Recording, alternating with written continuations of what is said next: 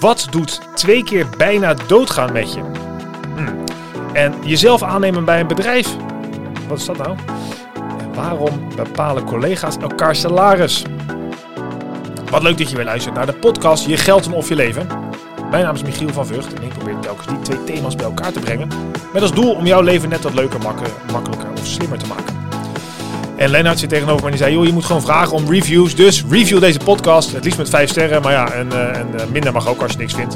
Doe uh, het vooral. Deze podcast is mede mogelijk gemaakt door NNK Vermogensbeheer. Kijk voor meer informatie op nnk.nl. Goed, genoeg over mij, want we gaan over naar Lennart Thoma. Die zit tegenover mij te stralen. ik zit hier bij Kito, als in Bokito zei hij, of een beetje met de Rotterdamse tongval. Leuk dat ik hier mag zijn. Ja, leuk dat je er bent, man. We zitten in, dit is niet de green room, maar de blue room. Ja, wat is het, ja? Ik zit naar uh, Christian Bale te staren. We merken een Psycho nou dat hij iemand heeft afgeslacht in een douche, volgens mij. En ik zie uh, Gordon Gekko, allemaal toffe mensen achter je. Ja, dat zijn een beetje de, de, de badasses. Ja, hè, wel. Uh, hier, Marlon Brando in The Godfather. En ah, tof eigenlijk. Deadpool. Dat is heel belangrijk. Ja. tof. Dus uh, nou goed, leuk dat ik hier ben. Ja, leuk dat je bent, man. Ja, ik begon met die vraag. Nou, het, is, het wordt een mooie wisselende aflevering, denk ik. Want we gaan het hebben over jouw unieke kijk op het bedrijf. Waar je uh, werkt en uh, nou ja, waar je heel veel belang in hebt. Letterlijk en figuurlijk. Mm -hmm. maar ehm, je vertelde net ook even, ja, ik ben twee keer bijna dood gegaan. En nou ja, toen hadden we het even over wat mensen die we kennen. Hoe die veerkrachtig die zijn. Toen zat ik hadden het er een beetje over. Dit, dat behoeft even wat toelichting wel. Twee keer bijna doodgaan en wat het dan met je doet. Ja, ja, ja. ja een soort van, in ieder geval eentje is niet echt, niet echt bijna dood. Maar ik heb uh, uh, ja, ik, waarschijnlijk een klapje op mijn kop gekregen een keer.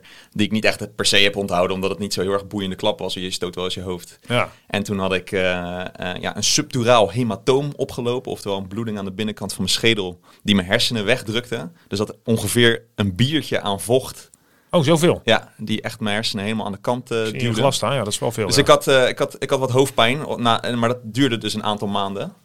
Uh, en ze wisten niet wat het was. En weet je, en, op een gegeven moment uiteindelijk zoveel hoofdpijn dat ik dus naar dat ik niet meer kon praten, dat alles uitviel bij me en ik naar het ziekenhuis moest. Nou, als dat langer door was gegaan, was ik ook daadwerkelijk echt doodgegaan. En toen ik wakker werd, toen had ik allemaal huilende familieleden om me heen, omdat de neuroloog had gezegd dat ik een enorm hersentumor zou hebben. En uh, ik binnenkort dood zou zijn. Daar kwam het eigenlijk op neer. En ik bleef vrij koeltjes. Um, en relaxed eigenlijk. En ik dacht, ah, oké, okay, jammer. dus dat was echt een beetje mijn eerste ah, oh, oké. En, uh, en uh, toen, kwam, toen had ik de dag daarna had ik een MRI. Dus mijn hele familie heeft op een hutje op de hei met z'n allen lopen huilen ergens. Dat heb ik allemaal niet meegekregen. en ik kreeg de dag daarna ergens een MRI. Toen, want ze hadden me een, een ding ook meegegeven. En, een, eh, een soort goedje waardoor ik wat helderder weer werd. En waardoor er wat druk uit mijn hoofd werd verlicht. Dus ik kon weer praten op een gegeven moment. En Marie, en toen bleek dus die bloedophoping te zijn. Ah, dat is niet zo boeiend, zeiden ze. Weet je, dan doen we gewoon een gaatje in je hoofd boren en dan uh, ben je er vanaf. En blekkendekkertje erop. Ja, ja, precies. En, uh, en het, nou, dus de dag daarna was, uh, was de operatie. Een gaatje geboord. was ik helemaal bij.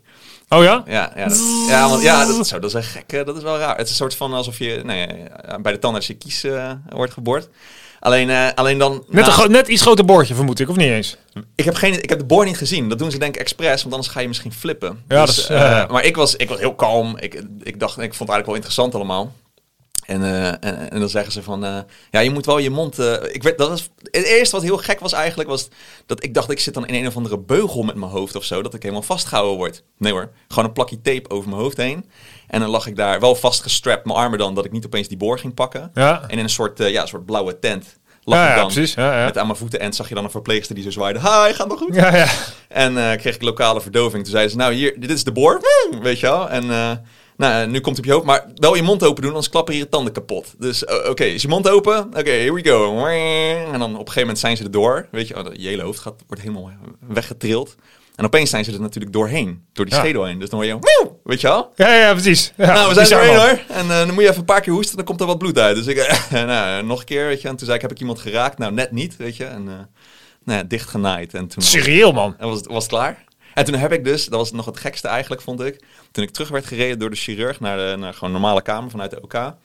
Toen hoorde ik aan de binnenkant mijn hersenen terugveren. Ik hoorde als een soort sponsor zo een beetje zo iets terug. Ik zeg, zijn dat mijn hersenen die ik hoor? Hij zegt, ja, dat zou heel goed kunnen. Een soort spons, hè. Dat uh, veert weer uit.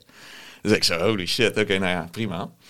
Dus dat, en, uh, en ik heb uh, twee jaar geleden, en dat, dat met mijn hoofd is vijf, bijna zes jaar geleden, En eh, twee jaar geleden toen was er teelbalkanker bij mij geconstateerd. Dus ik ben nu officieel een bikkel. Ik heb eh, één bal Ja, ja. ja. En ik heb toen ook nog chemo gehad en zo. Nou ja, dat, en toen je dat, als je dat dan natuurlijk hoort, het was een hele agressieve variant ook, en bla bla bla. Had ik aan dood kunnen gaan, maar in principe is teelbalkanker vrij goed te behandelen allemaal. Dus ik was daar sowieso niet heel erg bang voor. Maar ja, nou, waar we het een beetje over hadden, is ik, ik ken best wel wat mensen die het hebben over veerkracht en die hele heftige dingen hebben meegemaakt en daar een soort betere versie van Ja. zichzelf uit zijn geworden. En ik kreeg ook van heel veel mensen, ja, je gaat nog een trauma krijgen of een klap krijgen van die dingen en eh, dit en dat. En ik wacht nog steeds op die klap. En ik heb niet echt het gevoel dat ik heel veel anders daardoor ben geworden. Maar ik zit gewoon heel erg nuchter. Maar had je dat altijd al, die, eh, no- die nuchterheid? Die, eh, Ja, ja, ik ben, ja, ja, denk het wel. Ik heb gewoon, eh, ik, nou, ik ben psycholoog. Ik schrijf toevallig, ben ik met een boek bezig over persoonlijkheidsverschillen. En eh, een van de dingen die ik heb, ik ben enorm emotioneel stabiel. Dus ik heb van die testjes ook gedaan. En je hebt dan neuroticisme, is zo'n dimensie. Mensen die heel neurotisch zijn, die zijn sneller angstig, en sneller boos en sneller Ja. gefrustreerd. Ik scoor precies helemaal het tegenovergestelde, echt extreem. Dus ik ben niet snel bang, bijna niet. Weet je, als ik even een emotie heb, een, een negatieve emotie, is het heel kortstondig en is het snel weer weg. Ehm, dus ik word wel als een soort als een robot genoemd of zo, maar ik heb wel emoties. Alleen je ziet ze iets minder snel bij mij, want het zijn, die zijn minder heftig bij mij. Heb je wel eh, enorme vreugde dan, of is dat ook wat Ja, minder? dat wel. Dus de positieve emoties is dan wel weer hoog. Dus dat zit weer op een andere persoonlijkheidsdimensie, meer extraversie. Oh ja. daar, daar zit meer positieve emoties. En emotionele stabiliteit is een soort van de afwezigheid of de mindere mate van negatieve emoties. Lijkt, me, lijkt me eigenlijk wel relaxed. Is best relaxed, ja. Ik vind het eh, heerlijk dat ik dat heb. Want eh, nou ik, ik ben ook waarschijnlijk dus minder vatbaar voor mentale aandoeningen. Hè, minder snel burn-out of psychische klachten of whatever. En eh, ja, dan ga je dus, wordt, wordt er tegen je gezegd dat je doodgaat. En voor mij was het gewoon van, ik vind het vooral heel, heel, heel naar voor mijn, de mensen om me heen. Eh, toen mijn vriendin, wat nu mijn vrouw is, en mijn familieleden. Maar ja, zelf, ja, ik ga dood. Ja, dat, iedereen gaat een keer dood. En ik zie, ik, ik heb een leuk leven gehad tot nu toe. Ik had nog heel veel dingen willen doen. Maar ja, too bad. Eh Ja, ja, life. ja, ja, lekker gewoon nuchter. er- eh, ja. en zo zat ik er echt in. Ehm, en het was een beetje voor mij als een soort bevestiging van wat ik altijd eerder al dacht. Dat ik nooit zo heel erg bang zou zijn om dood te gaan.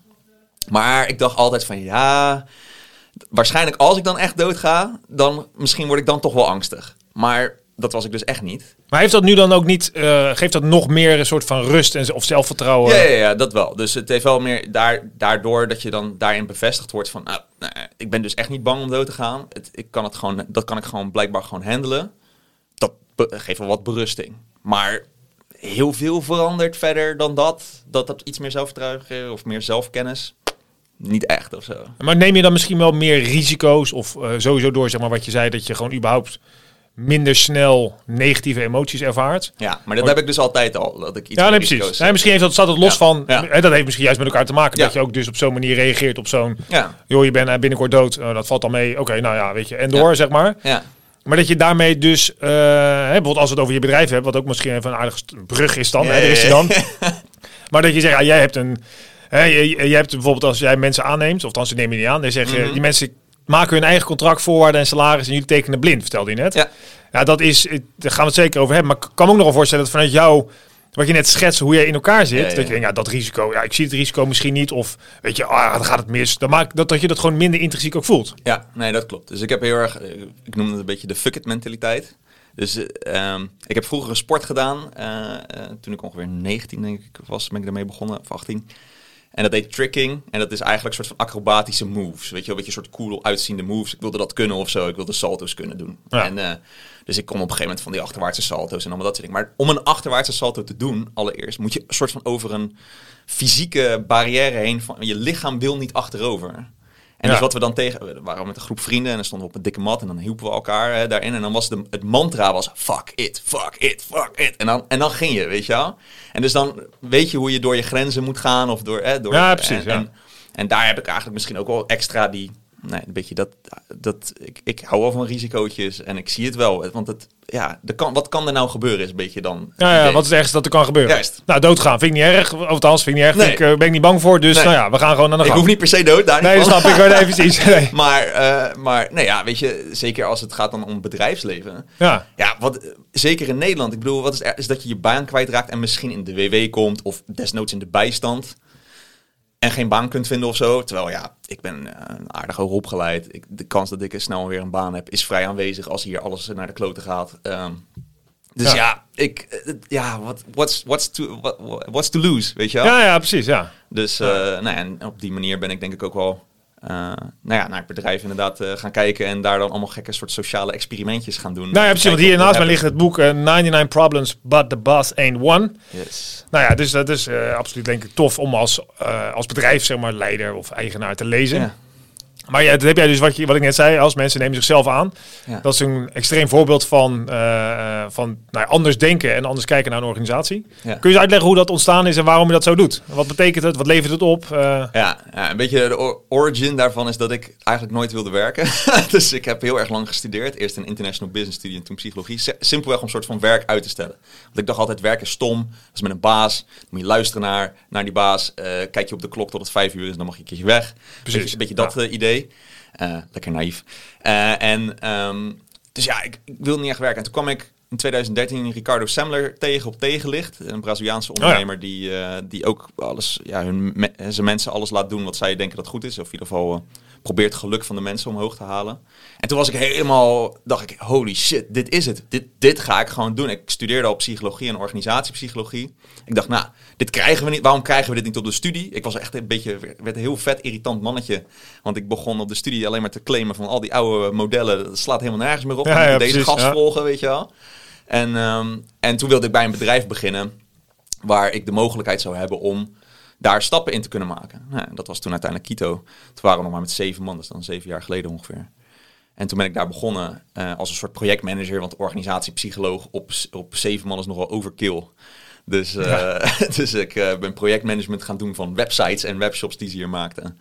En in de tussentijd mocht ik me met de organisatie bemoeien. En de twee oprichters, die waren wel sceptisch over mijn ideeën. Maar ze lieten me steeds, eh, ze luisterden wel naar mijn argumenten en dachten, ja, er is eigenlijk geen spel tussen te krijgen. We gaan het gewoon proberen. Stapje voor stapje. Dus Ja. eerst meer transparantie. Eh, langzaam maar zeker de besluitvorming bij de collega's meer neerleggen in plaats van bij die, eh, bij die twee. Zij hielden al geen vakantiedagen bij omdat ze te lui waren om dat bij te houden. Dus toen claimde ik gewoon, nou dan hebben we dus onbeperkt vakantiedagen hier bij Kito. Ehm, nou, en zo stapje voor stapje verder. Op een gegeven moment zei ik van nou, misschien een idee dat de collega's hun eigen salaris gaan bepalen. Ja, ja, dat vind ik nog eng. Ik zeg nou ja, weet je, ik denk dat, het, dat we dat echt wel kunnen. Ja, dan zei de een van de oprichters, dan wil ik een veto. Dan gaan we het wel proberen, maar dan wil ik een veto. Toen dacht ik, mooi, nu heb ik je. Hou, dan zei ik, nou prima, hou je veto maar. Helemaal goed. Jij mag een veto hebben. En toen zei hij, oh, dat zeg je wel erg makkelijk. Ik zeg, ja, precies, want we gaan het nu gewoon doen ook natuurlijk. ja, ja, ja, zeker. En toen heb ik het een keertje voor de collega's verteld van jongens, we gaan vanaf vandaag. Mag iedereen zijn eigen salarisbalen even extreem inzetten. En toen discussie los en toen waren we ongeveer al met 20 man of zo. En de collega's, nee, dat kan niet en eh, dit en dat en zo en zo. En uiteindelijk, toen bedaarden de emoties een beetje. En toen zeiden ze van, nou ja, misschien kunnen we elkaars salaris bepalen. Want waarom zouden Cedric en Patrick, de twee oprichters, dat nog allemaal van iedereen goed kunnen doen? Zij zien niet Ja, iedereen, ja, ze, hebben ja. Geen, ze hebben geen idee. Eh, ze doen hun ding, maar eh, ze kunnen dat niet van iedereen echt goed bepalen. Dus laten wij het als collega's zijn doen. En toen de eerste volgende keer dat ze dat dus deden, had Cedric dus zijn veto klaar. Hè? Die dacht, eh, Ja, mij gaat niks gebeuren. dit gaat, eh, dit gaat kloten worden waarschijnlijk wat ik nu te zien krijg. Wat het salarisbudget gaat zijn van wat ze hebben bedacht. En, de, en toen schrok hij zich helemaal de pleuris. Want toen hadden ze veel lager ingeschat dan dat hij in zijn hoofd had als hij het had gedaan. Oh ja, Dus joh. de collega's gaven elkaar veel minder extra dan als hij het eh, voor het zeggen had gehad. Dus toen zei hij, nou, dat veto heb ik dus ook nooit meer nodig. Hij was gelijk overtuigd van het feit dat collega's dat prima Maar dat wel- is dus de, de les. Dus Ja. mensen zijn best wel realistisch. Dat en, en, en volwassen. En als je, ik, ik geloof heel erg in een wederkerigheidsprincipe. Als je als organisatie heel veel vertrouwen geeft aan je mensen, dan betalen ze dat zeker terug. Dus ehm, Dan krijg je dan nog wel bijvoorbeeld, ehm, eh, eh, heel flauw een voorbeeld, maar bij wijze van spreken, de koffiejuffrouw eh, verdient hij dan net zoveel als de, ehm, weet ik veel, iemand die nee, nee, verantwoordelijk nee. Er is. zijn gewoon, er zijn, dit is geen communisme hier. Dus Nee, precies. collega's die verschillen gewoon, maar die bepalen zelf wat ze meer waard vinden. En sommigen die trekken er harder aan, eh, zijn meer. eh, ik zie het ook niet als een platte organisatie, dus wel degelijk hiërarchie. Alleen die is situationeel. Dus dat betekent dat we geen vaste posities hebben. We hebben ook hier geen functies of zo. Ehm, maar dat ja, afhankelijk van de situatie of de expertise die iemand heeft, staat iemand op, is iemand de leider eventjes voor een bepaald onderwerp en daarna niet meer. En daar krijgt hij waardering waarschijnlijk wel voor vanuit zijn collega's. En dat kan ervoor zorgen dat iemand iets meer verdient of iets minder verdient. Eh, dus eh, daar zit wel variatie in. Alleen het zit wel redelijk dicht bij elkaar. Het is niet hele grote gaten. Omdat mensen dat ook oneerlijk vinden. Want hoe kan jij nou twee keer zoveel verdienen als ik? Je werkt niet twee keer zoveel als ik, bijvoorbeeld. Weet je wel? Ja, precies. Ja. Ehm, eh, dus ja, dat houden collega's best wel samen met elkaar in stand. En alles is transparant. Hè? Dus salarissen zijn transparant. Dus iedereen weet van elkaar wat ze verdienen. En dat zorgt er ook voor dat je dan een soort... ja, dat, dat is ook een beetje het controlemechanisme. Dat mensen niet over de scheef gaan. Ja, ja, En, ja. ja. eh, en eh, hetzelfde met de vakantiedagen. Ja, Ja. Nou ja, daar, dat is eh, dus ook grappig. Dan wordt er al gedaan, nou, dan gaan ze misschien wel heel veel vakantie opnemen. Nou, het is precies tegenovergesteld. We moeten ze letterlijk op vakantie schoppen, want ze gaan niet. Want ze hebben geen dagen aan het eind van het jaar om op te nee, ze hebben niks over. Dus je hebt ook Nee. niet waar je tegen je hebt geen... eh, precies. Nee, Ja. dus dat is, dat is echt raar. En dus eh, wij moeten echt hun... dwi- Ga nu een keer op vakantie, want je bent al heel lang niet geweest. Gewoon, dat moeten we als collega's zijn met Ja, ja, elkaar ja. dus. tegen elkaar helpen om eh, vrij te nemen. Ja. Ja, misschien is je behoefte er ook minder kennelijk. Als je dus niet meer als werk... Ja, misschien voelt het ook minder als werk. Je hebt heel autonoom, Ja, precies. Heel autonoom kan werken. Precies. Dus als je een beetje naar psychologische principes kijkt, wat motiveert mensen nou echt? Dan is geld is een hygiënefactor. Dus eh, bonus. eh, dat is, je hebt, als je geen geld hebt, dat demotiveert. Maar tot een bepaalde hoogte daarboven motiveert het niet meer. Nee, nee, precies. Ja. Niet meer extra. Ook al krijg je tien keer zoveel. Het is niet extra motiverend. Wat wel extra motiverend is, zijn dingen als autonomie en betrokkenheid en competentie. Een soort van het ABC'tje van. Dat is grappig, want ik had gisteren, die, moet ook, die is denk ik net online als jou online komt. Eh, maar met Bo Willings, dat is een oud topgroeier, een topzwemmer. En die, ehm, die zei precies hetzelfde. Die zei, je moet heel erg intrinsieke motivatie hebben Ja. om in het krachthonk te zitten terwijl iedereen aan het bier drinken is. En hij had precies over diezelfde dingen. Dus het, komt eigenlijk in elke situatie terug natuurlijk. Juist, precies. Nou, en, dat, en dat proberen wij hier te maximaliseren eigenlijk. Ja. Die, die, die motivatiedrang. En dat geeft dan een eigenaarschapsgevoel. Iedereen voelt het alsof het zijn of haar tent is. Want je mag hier alles veranderen wat je wil. Daarom is het hier ook, nou je hebt het een beetje gezien, het is hier een beetje een chaos. Maar dat komt omdat collega's zelf bepalen, ik ga nu weer een muurtje schilderen. Of ik ga het kantoor weer anders eruit laten zien. Of ik ga structuren aanpassen. Dat mogen ze allemaal zelf beslissen. Maar goed, als je dan, eh, ik denk, me ook voorstellen dat je denkt, ja wacht even, maar we moeten ook nog, eh, weet je, het houdt, het houdt een keer op. Ja, Toch? nee, eh, tuurlijk. Dus, Dus iedereen heeft zich, ja, we hebben dit eh, aan omzet, dus hou er ook rekening mee. Dus dat weten ze ook. Dus Eh, precies, iedereen weet alles. Dus tuurlijk. daarmee kun je ook, eh, oh ja, dit muurtje ga ik verven en overleg ik even, is maar het wel slim. Ja, dus eh, hoe wij besluitvorming doen is via het adviesproces. Je mag ook beslissingen maken die je wil. Je bent alleen verplicht om advies te vragen aan mensen die beïnvloed worden door je keuze. Of geïnteresseerd zijn in je keuze. Oh ja, oh, En grappig. dan Ja. hoef je niks met het advies te doen. Je moet er alleen volwassen mee omgaan. Dus als jij eh, inderdaad Ja. een muurtje wil verven en heel veel mensen zitten naar dat muurtje vaak te kijken, moet je aan hun advies vragen. Maar als zij allemaal komen en jij wil wit en, en, en zij zeggen allemaal nee, paars, groene stippels, weet ik veel wat.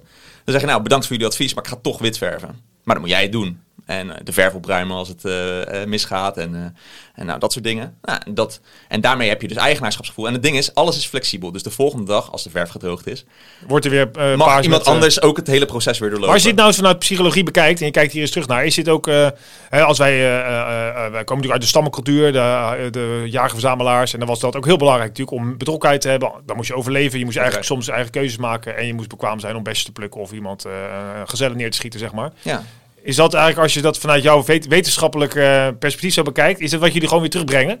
ja, een beetje wel. Het is gewoon... eh, het, het, het gaat eigenlijk... Alle structuren en processen die we hebben bedacht als, als organisaties zijnde, zeg maar...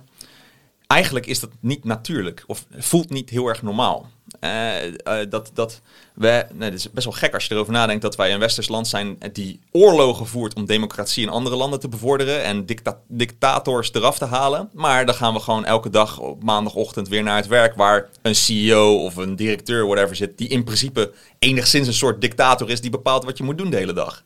En dat vinden we met z'n allen hartstikke normaal. Ja, en ja, dat is best raar. Ja, weet is- je? En, en eh, dat draaien wij helemaal om. En zeggen, nou ja, als we, als we vrijheid belangrijk vinden, als we eh, zeggenschap dus daarin belangrijk vinden, democratie soort van belangrijk vinden, waarom kunnen we niet die principes? Maar is dat voor iedereen geschikt?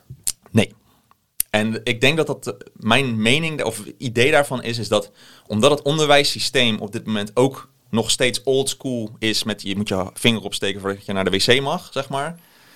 Daardoor worden wij heel erg geprept om Ja, patronen en eh, hiërarchie. ja, en, eh, wij worden wel eens gevraagd, zijn jullie zo'n jonge organisatie? Dan zeg ik ja, maar dat boeit niet. Want wij krijgen juist studenten over de vloer die hier heel veel moeite mee hebben. Want die zijn nooit gewend om zelf Nee, want ik beslissingen zag te ook eh, met, ik zag een aantal grijze duiven zitten. Ja. Maar ik ben zelf ook grijs, dus mag ik zeggen. ja, Deels grijs. Ja. Maar precies. Dus, Dus het- het- het- het- we hebben soms meer moeite, zelfs met jonge mensen die nog niet heel erg keuzes durven te maken en heel veel bevestiging nodig hebben. Die hebben er meer moeite met onze Ja. cultuur dan wat oudere mensen die al wat gevorderder zijn, wat meer zelfvertrouwen misschien hebben, dat soort dingen.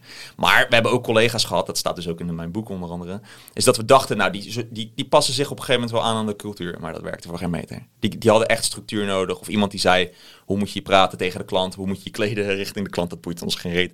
Eh, eh wat, je, wat moet je doen? Um, en die, die trokken dit gewoon niet. En, uh, en die zijn dus ook weer weg. Dus het is ook niet, je zou eigenlijk niet kunnen, dit kan je niet uitrollen over alle bedrijven in Nederland. Nee, maar er zijn wel een aantal onderliggende principes. Zoals meer vertrouwen, meer verbinding, uh, meer psychologische veiligheid, vrij, bepaalde mate van vrijheid. Waar veel mensen echt wel goed op gaan. En kijk, een beetje onze missie is om iets meer naar de balans te gaan. Iets meer dit meer de norm te maken dan dat het nu ja, is. Ja, precies. Ja, nu zijn wij heel raar. Hè? Ja. Wij vinden onszelf heel normaal eigenlijk. Maar wij vinden de rest maar raar. Maar wij zijn in principe heel raar. Uh, maar ik denk dat er, nou, er, zijn, er is een grote groep mensen die van de structuurtjes houdt. Maar er is ook een grote groep mensen die daar helemaal niet van houdt. En daar is nu te weinig keus voor. Ja, ja precies. En dus uh, nou ja, proberen we een beetje... Maar krijg, je niet een, krijg, maar krijg je niet veel te veel dezelfde soort mensen? Nee, dat, omdat collega's nemen collega's aan. Uh, hè, of, of bij een van de entiteiten die van mij mag je jezelf aannemen. En dat zorgt ervoor dat als collega's elkaar aannemen, kiezen ze ook mensen die een beetje anders zijn soms dan hun. Want zij voelen zelf ook wel, we zijn nu heel erg hetzelfde, we hebben echt iemand anders nodig. Ja, ja, en dus, Door de echt die eigen verantwoordelijkheid te pakken. Ja, zij zien ook van, ja, weet je, we hebben nu allemaal, allemaal iedereen die lijkt op Klaas. Weet je, ja, en, en Klaas is dan uh, dit en dat en zo en zo. Maar daar hebben we nu even niet zoveel aan. Want we hebben iemand nodig die echt heel anders is. Misschien wel meer introverter. Of, ja, uh, precies. Andere skillset meebrengt. Precies. Ja, en, en, en, daar, daar selecteren ze dan op. Dus, uh, Mooi hoor. Ja. Grappig. Ja. Dus dat. Maar, maar dit, dit, dit, dit, dit was al jouw... Um, had interesse al voordat jij je persoonlijke ja. ervaringen, zeg maar, die in het begin vertelde. Ja. Uh, dus ik heb gewoon, ik heb gewoon, dit is, Quito is mijn speeltuin geweest. Waar ik gewoon al mijn gekke ideeën langzaam zeker kon uitrollen. En ze het nog deden ook. En anders zijn, er zijn ook heel veel collega's, waarschijnlijk mede door mij, ook weggegaan. Omdat ze die veranderingen niet meer trokken. Nee, precies, ja. Nou, dat kan me voorstellen, want het is veranderd hier bij wijze van spreken dagelijks. Juist. Dus moet je ook wel mee kunnen omgaan. Ja. Wat zijn dingen die niet gewerkt hebben? Je zegt, ja, we hebben dat geprobeerd, dat experiment, leuk bedacht. Oh, uh, genoeg. Dus uh, nou ja, één daarvan gaat over die besluitvorming. Hè, dat adviesproces is waar we uiteindelijk op zijn gestuurd. Maar eerst gingen we dus democratisch proberen te stemmen over dingen. Nou, dat werkt voor geen reet. Want als je websites maakt en er moet een knop van oranje naar groen worden veranderd, in ieder geval dat is dan het idee, ga je daar met z'n allen over stemmen? Nee, natuurlijk niet. Dat is een simpel besluit. Dus waar ligt de grens van ja, welke besluiten je samen gaat doen? En dan heb je ook nog het probleem van, doe je dan 51% voor of 80% moet het mee eens zijn of unaniem? Um, en wat doe je dan met de minderheid? Wat nou als je drie opties hebt en 40% is de meerderheid? Dan heb je 60% die het er niet mee eens is. Wat dan? Nou, daar werden we zo gek van dat we die snel overboord knikkerden. Maar die hebben we wel dus even geprobeerd. En toen hadden we een MT met vijf vaste stoelen met de grootste bekken. Nou, daar was ik er één van. En dan twee open stoelen. Mocht iedereen bij aansluiten. En dan maakten we daar bepaalde beslissingen. Maar op een gegeven moment, ook daar, werden besluiten van, het hele, van de hele organisatie werden dan naar dat MT gedonderd. Dus we gaan jullie dat maar beslissen. Oh, ja, ja. Kregen we opeens van, ja, moeten we gaan besluiten over of we pennenbakjes gaan aanschaffen? Ja, flikker toch op. Dat gaan we niet doen. Dus toen stapten we daar ook mee. Toen zaten we even in een soort besluiteloos vacuüm, zeg maar. En toen, uh, toen kwam, stuitte ik op het adviesproces ergens. En toen heb ik dat, uh, toen heb ik middels het adviesproces eigenlijk het adviesproces ja, ja, precies, ja. En toen, uh, dat hebben we nog steeds. Maar dat werkt goed. Ja, ah, dat mooi. werkt prima. En dan kan je dit nou, gebruik je dit ook op deze manier bijvoorbeeld in je dagelijks leven of zo? Dat jij met je vrouw afstemt van, nou ja, weet je, vanavond eten we gewoon weer voor de zevende keer brei biefstuk, noem maar wat. nou ja, dan denk ze even niet, maar ja, ik heb je advies gevraagd. Doen het dus toch of zo? Of? Nee, mijn vrouw is vrij autoritair. Nee, oh, precies. nee dat is wel echt heel grappig. Nee, mijn vrouw is, uh, die is juf en die... En ja, dat doen we gewoon in goed overleg. Ja, weet je, uh, zij, zij is echt wel meer nuchter. Zij houdt me ook een beetje op de grond, dus dat is wel goed, denk ik, voor de balans. En, maar zij vindt sommige dingen die wij doen echt achterlijk. En, uh, uh, en zij zou hier echt niet uh, willen of kunnen werken, zeg maar. Nee, precies. die heeft gewoon wat meer, meer structuur en, richting nodig. En, en, en ook ja, in ons huishouden is dat, ja, nou, overleggen we een beetje. Zij heeft haar taken, ik heb mijn taken, een beetje zo. En we beslissen een beetje samen over het eten, wat we allebei lekker vinden. Doen we dat? Ja, is goed. Oké, okay, Ik ben heel makkelijk, dus... Ja, nou ja, precies. Dat heb je natuurlijk wel nodig om in zo'n veranderende organisatie te werken ja. natuurlijk. Maar ja. Ah, ik kan me wel voorstellen dat het is natuurlijk wel, uh, wat ik, het, het, spreekt denk ik heel veel mensen die luisteren denken, ah, oh, dat vind ik inderdaad, zou ik ook wel willen op mijn werk. Ja. En tegelijkertijd denk ik dat het ook lastig is voor heel veel mensen. Ja, ja, kijk, het gaat in kleine stapjes. En, uh, ja, dat is ook wel goed misschien. Wij hebben, wij begint natuurlijk niet in één keer morgen met nee, alles anders doen. Wij hebben ook niet, ik kon ook niet gelijk toen ik binnenkwam gelijk zeggen, jongens, we gaan elkaar slagen. Dat, dat, dat, dat had nooit gewerkt. Uh, je moet er echt naartoe werken, stapje voor stapje. En kijk, een van de ma- makkelijke ding, makkelijkere dingen om eh, toe te passen is gewoon die transparantie opschroeven. Dus gewoon vanuit het management of anders vanuit de werknemers daarom vragen, maar steeds meer informatie delen. En eh, nou, ga maar de financiële cijfers delen. En niet alleen maar de cijfers delen, maar ook de, het begrip erachter proberen te, te geven. Wat betekenen die cijfers nou eigenlijk? Eh, wat betekent debiteurensaldo en dat soort dingen? Als je alleen maar die cijfers presenteert van nou, debiteurensaldo is dit en crediteurensaldo Ja, ja, ja, precies. Snap ik. zegt Ja. mensen niks. Nee. Maar als je dat eh, goed gaat uitleggen, dan kunnen ze er wat mee. En ook uitleggen wat ze er met die informatie kunnen. Want transparantie geven om transparantie te geven, dat is bullshit. Maar als je gewoon uitlegt waarom, ja, dan... Ja, dan gaan mensen ook waarschijnlijk weer meedenken. Hey, Gaan hoe kunnen we dat eh, ze getal veranderen? Of, ja, transparantie zorgt voor betrokkenheid. Dus Ja. dan gaan mensen zich betrokkener voelen bij de organisatie. Gaan ze meer eigenaarschapsgevoel krijgen. En misschien komen ze dan wel met ideetjes. En dan kan je zeggen, nou, ga het maar doen. Dus dat een beetje loslaten van, van die nieuwe projectjes, zodat die collega's daar stappen in gaan maken. En dan zal je zien dat er, nou ja, dat er, dat iedereen ook misschien zich lekkerder in een vel gaat voelen eh, zitten. Ja, want dat is ook nog. Hè. Eh, je, hebt natuurlijk, eh, je noemt ook werkgeluk op, Ja. jullie, op jouw LinkedIn-profiel volgens mij. kan wel. Zorgt het nou voor hoger werkgeluk? Nou ja, ik, ik, ik denk het wel. Ik, als wij, ik, ik meet hier bevlogenheid wel eens. Dus bevlogenheid zie ik een beetje als het wetenschappelijke construct van werkgeluk. Als mensen bevlogen zijn, heel veel wetenschappelijk onderzoek hebben laten zien. Prestaties hoger, beter samenwerken, het is aanstekelijk enzovoort enzovoort. Ehm, eh, als, je dat, als je dat hier meet, scoren wij best hoog. Dus van een schaal van 1 tot 6 wordt hier een 5,3 ongeveer gescoord. Oh ja. En als ik dat bijvoorbeeld, en ik heb bij andere bedrijven ook gemeten, wow, dat is wel wat lager hoor, meestal. Dus eh, wij scoren wel echt hoog, vind ik. Dus het is gewoon vanuit dat perspectief alleen al voor eh, een, een, een ouderwetse directeur. Je denkt, nee, nee, nee, ik ben de baas, ik, ik bepaal het. Is het ook interessant. Yes, zeker. Gewoon proberen. Gewoon doen, ja. Altijd gewoon doen. Stap, eh, stap 1, meer, eh, dat is zeg maar vanuit de bovenkant meer transparantie. En van de onderkant, hoe ga je als medewerker denken, ik wil dit meer, eh, welke tip kan je geven nog? Durf de grens op te zoeken. Dus durf gewoon stapjes te maken en tegen die, eh, tegen die grenzen aan te kletsen. En dan hoor je vanzelf of het eh, over de scheef is gaan. Dan zeg je oeps, sorry. En dan, ga, en dan weet je waar de grens is en dan probeer je die grens op te rekken. Dat.